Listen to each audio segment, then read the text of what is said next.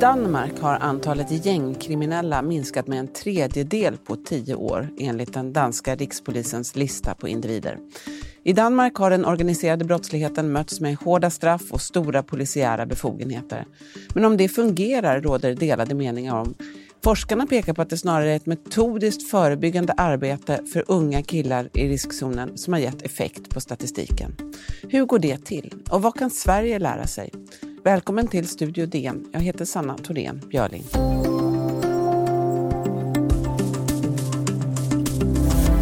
Ja, brott och straff har hög politisk prioritet i Sverige och nu är det valår.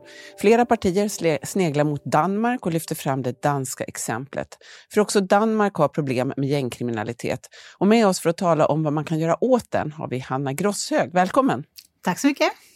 Du är reporter på Dagens Nyheter i Malmö och har under lång tid bevakat Öresundsregionen och Danmark också. Så om vi börjar i Köpenhamn, där du nyligen var för ett reportage. Hur skulle du beskriva Nörrebro? Nörrebro det är en livlig stadsdel som ligger faktiskt mitt inne i centrala Köpenhamn och här kan man lätt hamna om man är över på en eh, nöjesrunda som svensk eller dansk för den delen naturligtvis. Ett väldigt krogtätt och mycket barer, restauranger, eh, Nörrebrogade som är en av de livligaste affärsgatorna i, i Köpenhamn, i hela Köpenhamn faktiskt. Där hamnar man lätt för lite shopping och sådär. Här bor ungefär 70-80 000 invånare. Eh, här finns även utsatta områden som har hamnat på eh, den danska regeringens så kallade parallellsamfundsliste. Tidigare så kallades för gettolister, men det har man ändrat från och med förra året.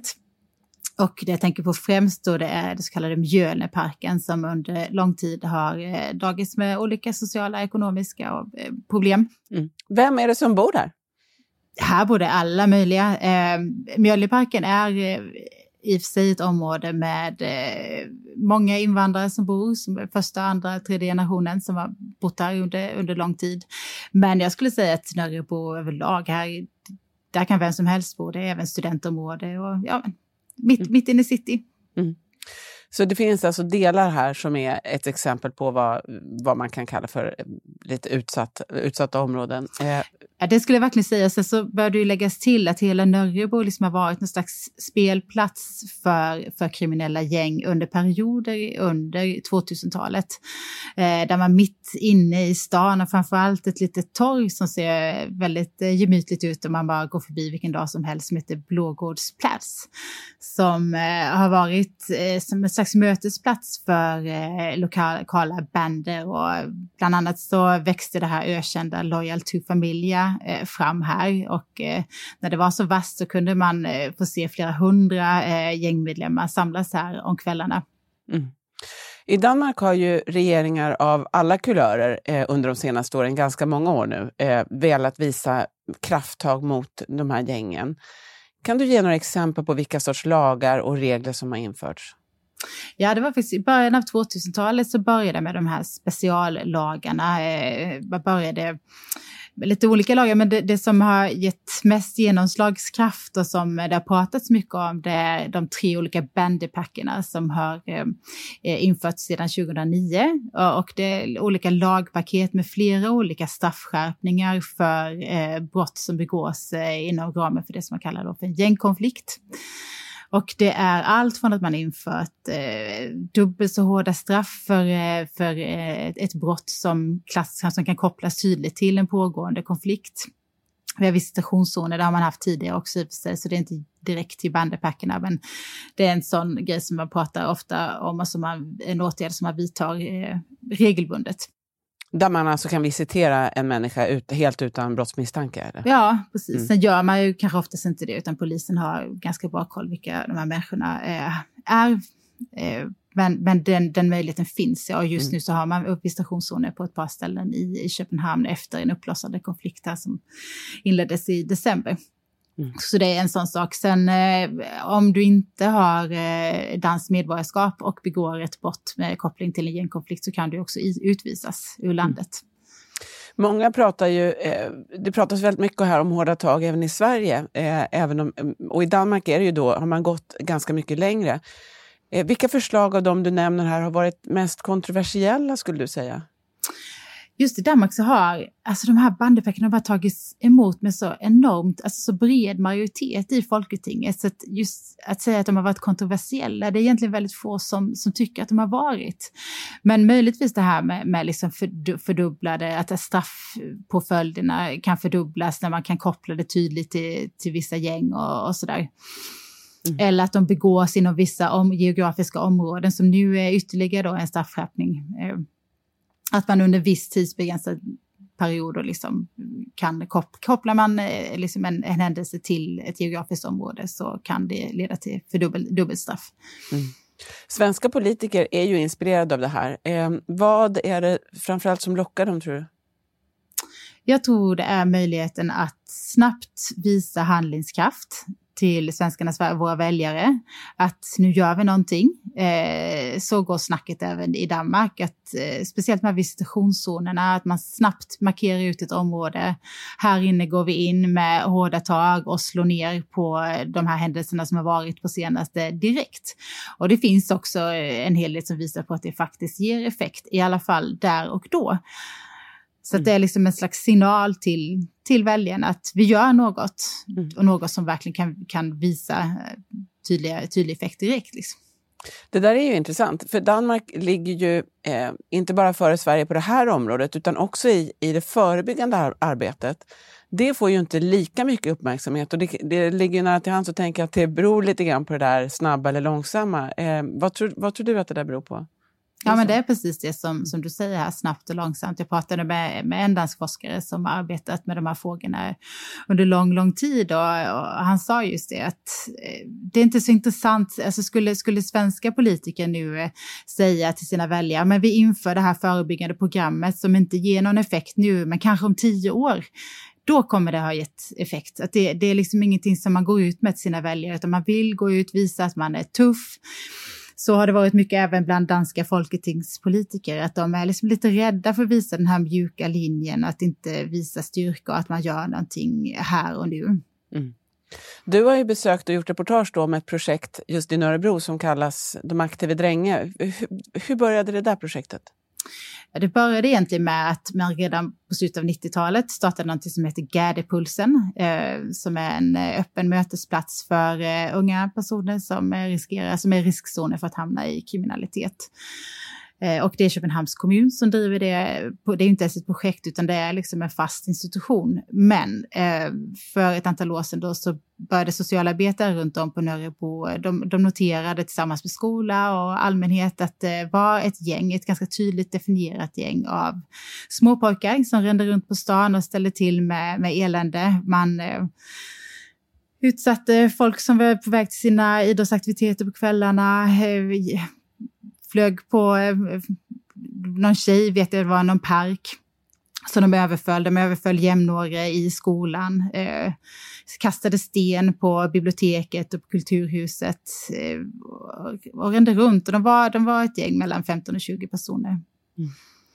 Eh, och det där har, har pågått då i några år. Hur, hur gick man vidare? Ja, det man gjorde då var att man, man bestämde sig att nu ska vi satsa på, på de här. Eh, och så gjorde man en gemensam liksom, aktivitet med, med pedagoger och lärare, psykologer, olika instanser i, i, i Köpenhamns stad. Eh, så ringade man in de, de som ställde till med värst bus så att säga, eh, kontaktade deras föräldrar, eh, kallade till ett möte och sen var det totalt 12 kvar efter det som man valde ut att de skulle delta. Och det man gjorde under de första två åren var att man, man punktparkerade de här killarna, killarna som det då handlade om och de var mellan 9 och 12 när detta påbörjades, så de var ganska unga. Eh, man följde med dem, var med dem, knackade på dörren hemma hos dem när de vaknade, följde med dem till skolan, såg till att ingenting hände i skolan, såg till att de eh, gjorde läxor, eh, skjutsade dem mycket till fritidsaktiviteter. Det där är något som det finns ganska mycket resurser för överlag i Danmark. Att om du inte har en fritidsaktivitet, nej men då ser kommunen till att ja, vi betalar för ditt medlemskap i fotbollsföreningen eller basketbollklubben eller vad det nu kan vara, bara du går dit. Vi fixar även eh, utrustningen till dig. Vi, vi står för det för att det är värt så mycket. Eh, så då gjorde man det, så att det inte bara varit tvingande, liksom tråkiga grejer för de här killarna, utan de har eh, fått ganska mycket också under den här tiden och eh, det skapas någon slags trygghet. Plötsligt fick de en vuxen person som ja, mer eller mindre ledsagade dem genom livet i ett par år. Eh, och man jobbar ju fortfarande med dem, även om man inte följer dem på samma sätt varje dag, utan idag så träffas de en, runt fyra gånger i veckan. Mm. Jättespännande Hanna. Vi ska ta en liten paus och strax prata mer om vilka metoder som har störst möjligheter att minska gängbrottsligheten.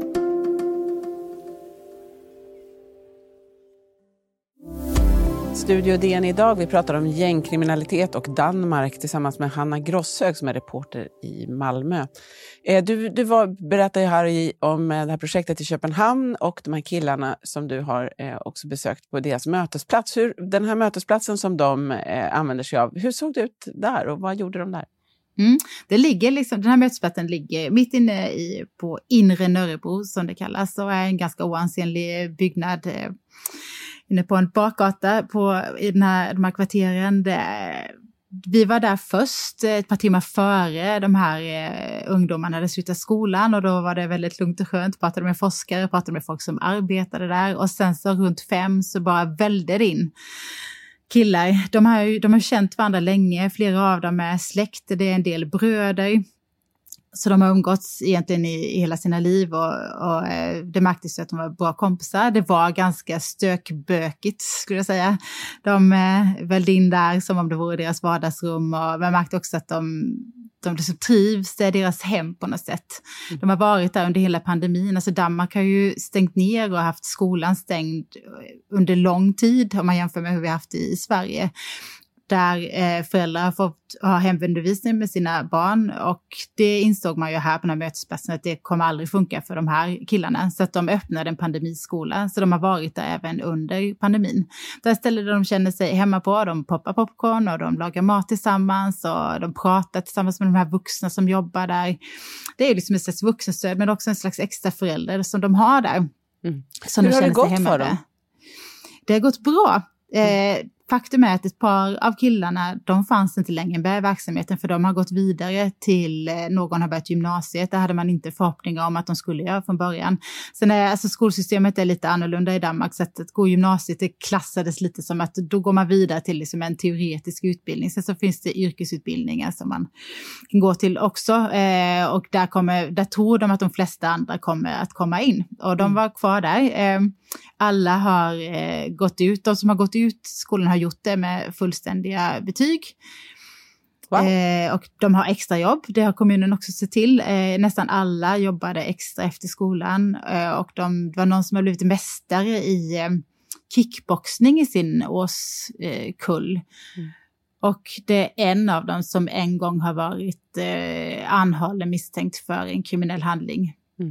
Det hörs ju till saken också att, att tre av de här killarna som vi träffade, de har bröder som är tongivande gängkriminella i, i Köpenhamn idag. Så att man kunde se, man kunde liksom höra när jag pratade med de anställda i projektet så sa de att det finns ju, nu, nu måste de ha ögonen öppna på, på vad som händer. För att ju äldre de här killarna blir, ju mer intressant kanske det eventuellt blir. Liksom. Så därför mm. tyckte de att det var särskilt viktigt, till exempel det här med extraarbete, att de får sin lön varannan vecka direkt i handen. Så att de hela tiden har någonting att röra sig med, så att inte den andra världen med att kanske springa ärenden i knackaffärer och sådär, att det skulle bli mer lockande. Mm. Men hittills har det gått bra. Du nämnde ju här att, eh, att i det danska systemet överhuvudtaget så finns det mer resurser till olika eh, typer av insatser, idrottsföreningar och sånt. Mm. Hur, hur resurskrävande är det här projektet? Det låter som att det här har gått ganska bra, men eh, Ja, de pratade om drygt 20 miljoner under, under fem år, 3,5 miljoner på, per år. Och då tror jag inte lokalhyran ingick, men, men på totalen. Eh, och det är ju, det är ju slant såklart. Mm. Men det samtliga som jag har pratat med om detta i Danmark säger att det är ju ingenting jämfört med vad det skulle kosta när att behöva ta hand om en person som vill ta sig ur gängkriminalitet. Mm. Eh, och vad den personen kanske har kostat samhället i, i totalt om den har till exempel hamnat i fängelse och den typ av brott som har begåtts. Sådär.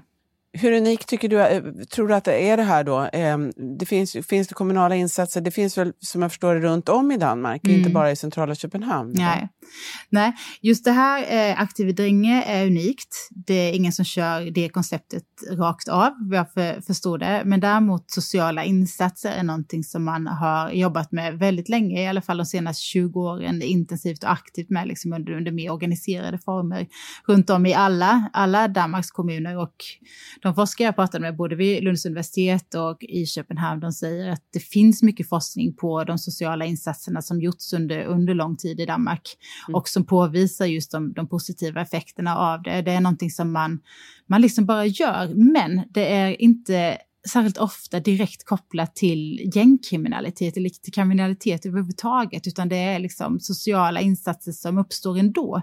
Man försöker till och med aktivt att inte koppla ihop det, utan man ser, okej okay då, här har vi en kille som hamnat i, i gängkriminalitet, men det är inte det som är problemet, utan problemet är de andra sociala problemen i den här personens liv. Mm.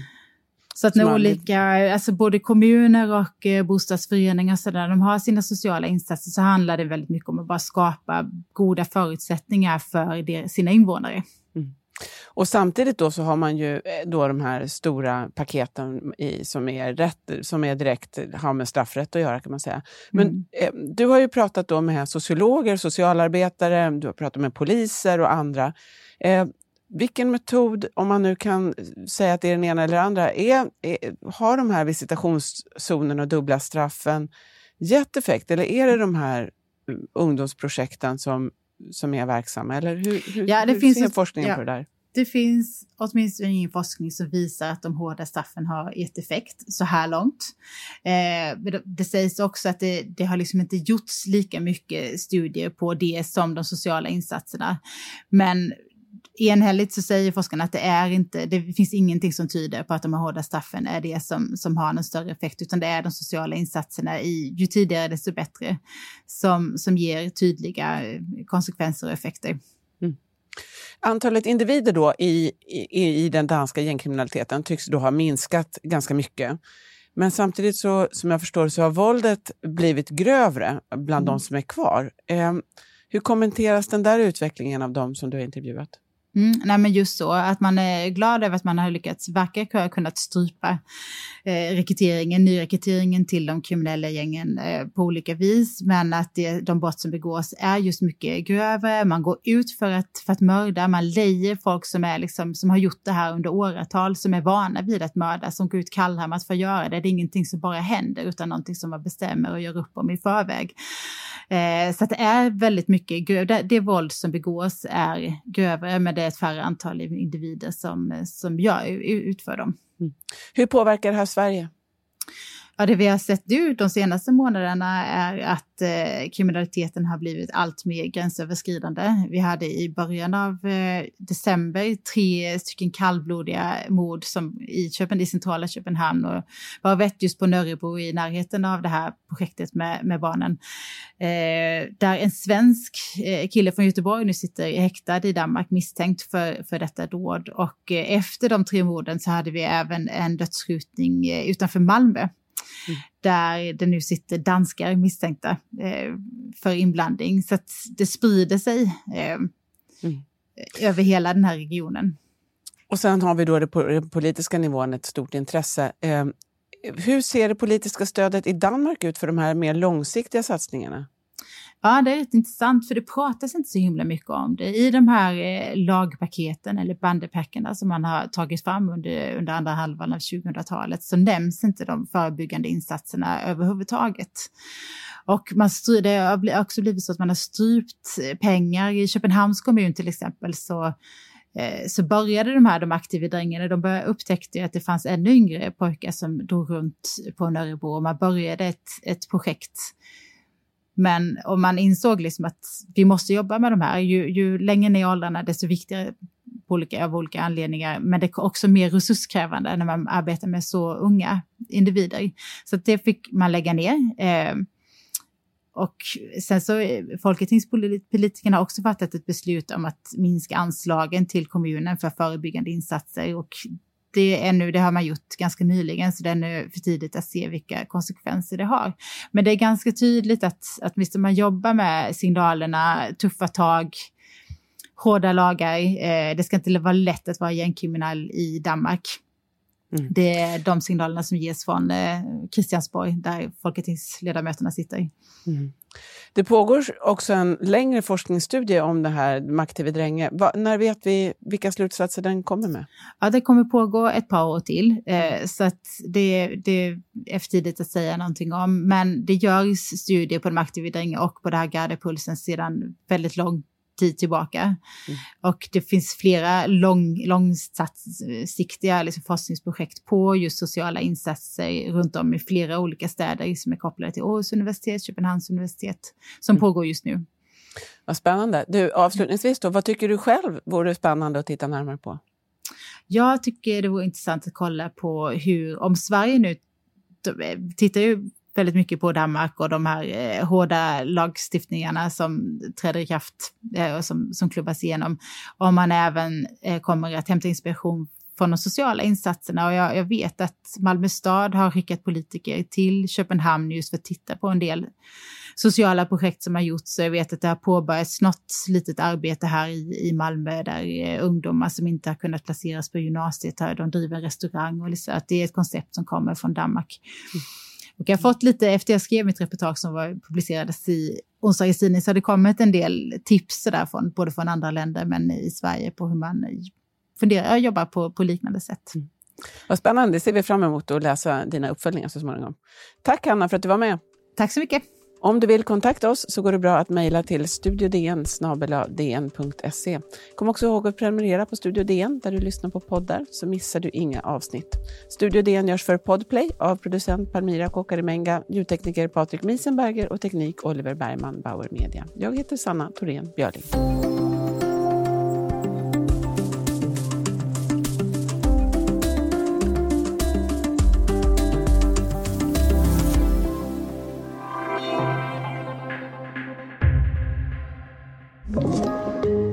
Podplay.